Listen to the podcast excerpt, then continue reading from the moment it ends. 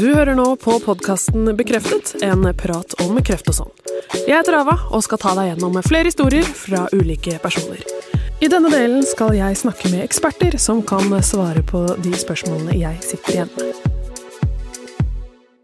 Det er mange spørsmål som dukker opp når man snakker om hjemmedød. Hva bør man tenke på, både som pårørende og for den som er kreftrammet? Jeg ringte Jorunn Marstein Christoffersen, som jobber i palliativt team på Ahus, for å bli litt klokere. Eh, jobben min det er å eh, ivareta pasienter og pårørende eh, når pasienten er i en palliativ fase, og følge dem eh, framover til pasienten dør. Ja, for hva er en palliativ fase? En, eh, jeg vil si en Hvis vi begynner med hva er palliasjon, så betyr palliasjon å eh, bre kappen om. Og, eh, så eh, å prøve å på en måte tenke ivaretagelse eh, med å, å bre kappen rundt pasienter og pårørende. Jeg syns det er en fin eh, beskrivelse. Eh, palliativ fase er eh, når eh, en går fra å være eh, ha muligheter til å bli frisk, eh, og en ser at behandling ikke hjelper nok, eller en ser at pasienten er så syk at den ikke kan bli frisk, så er pasienten palliativ. Og hva er det viktigste da du da gjør i jobben din? Eh, det viktigste jeg gjør i jobben min, er å være Jeg pleier å si at jeg er ei lita livbøye eh, for pasienter og pårørende. Der de har noen å lene seg på. Vi og jobber mye med å kartlegge symptomer. Eh, hvordan, har, eh, hvordan har pasienten det? Eh, og så har kartleggingsverktøy som vi bruker for å se hvordan skårer pasienten eh, i forhold til hvordan var det sist. At vi på en måte sammenligner, ser om tiltakene vi setter i gang hjelper. Og så har vi mye samtalestøtte i forhold til eh, hvordan, hva de står i, eh, men også veien videre. At vi tenker veien videre sammen med pasient og pårørende.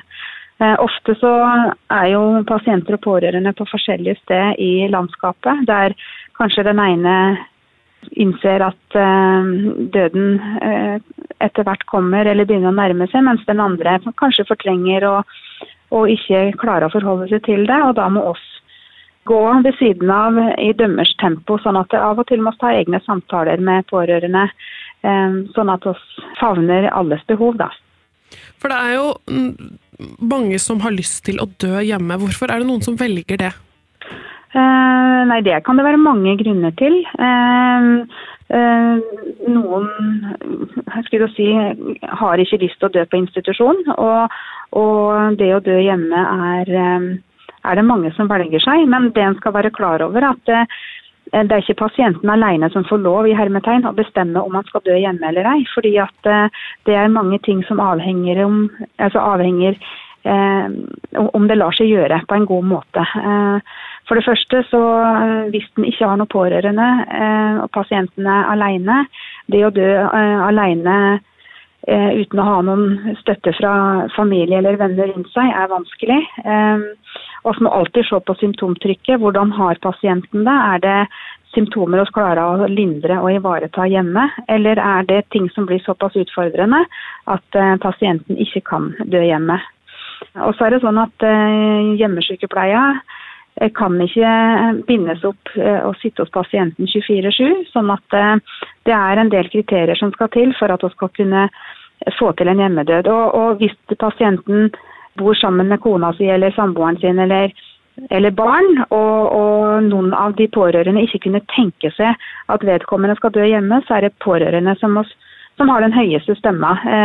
for det skal ikke være sånn at de skal måtte selge huset i etterkant fordi de ikke orker å være være der fordi at vedkommende døde der. Så det det er, mange, det er mange, hensyn man skal ta.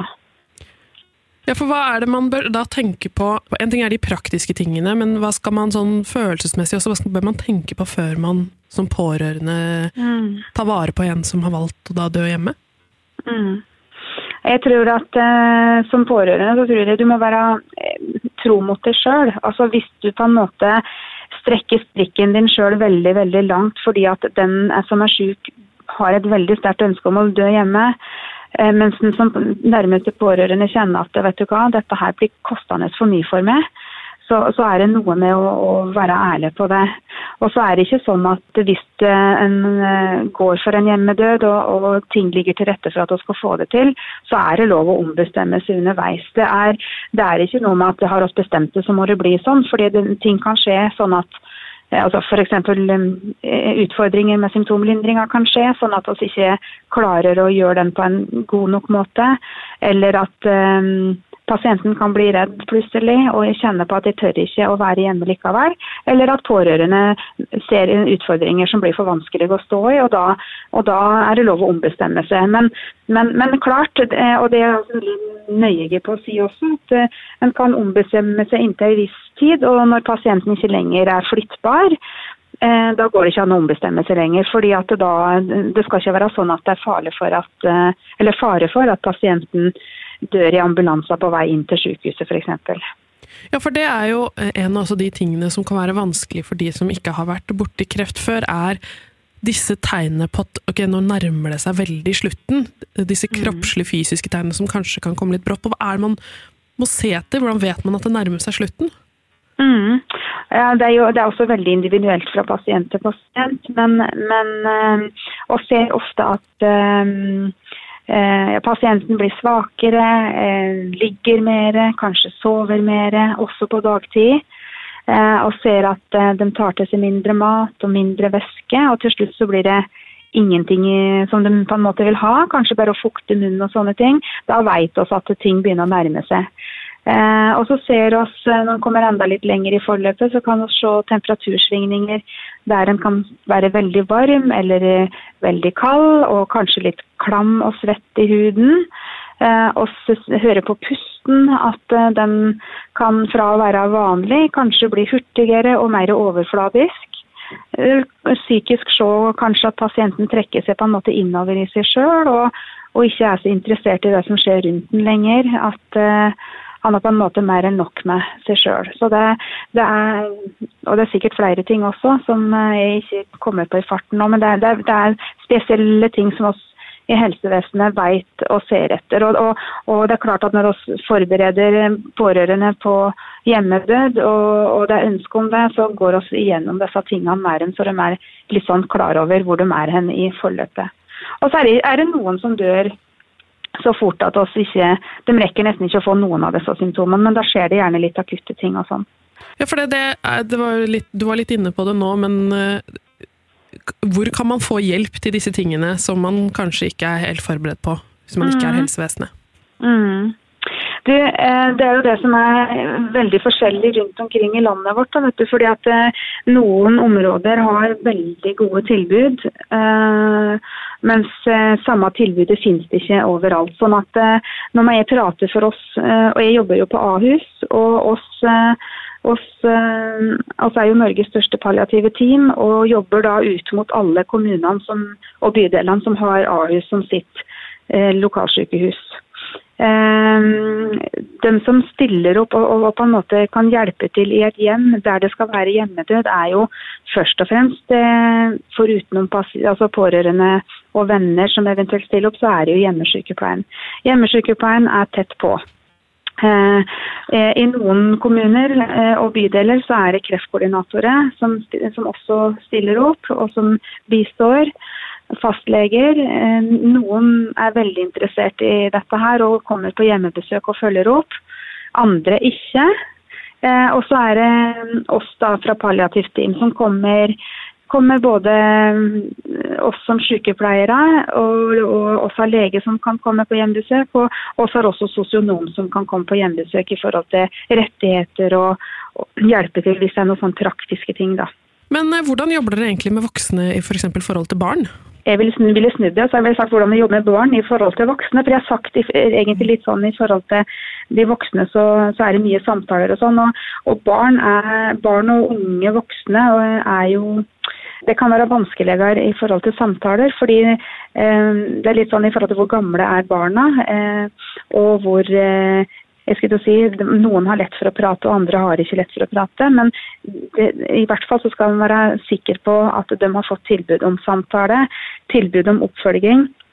For det er en rettighet de har. Og så er det veldig mange voksne som skal skåne barn, eh, og syns at det eh, at barna skal ikke vite så mye, men barna skjønner at det er noe. og Derfor er det veldig veldig viktig at de får informasjon underveis.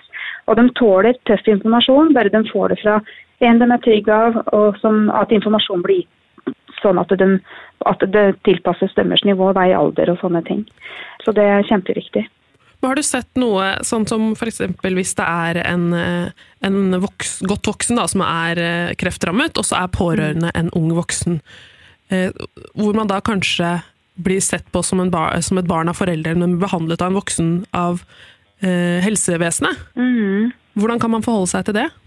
Jeg tror at eh, det viktigste er å spørre vedkommende hvordan han har det i situasjonen, og hva, hva ønsker vedkommende eh, hjelp til. Og eh, jeg, jeg, tenker det er individuelt. Jeg tror at det er viktig å møte vedkommende der han er, og, og det er stor forskjell på hvor folk er mentalt også som unge voksne.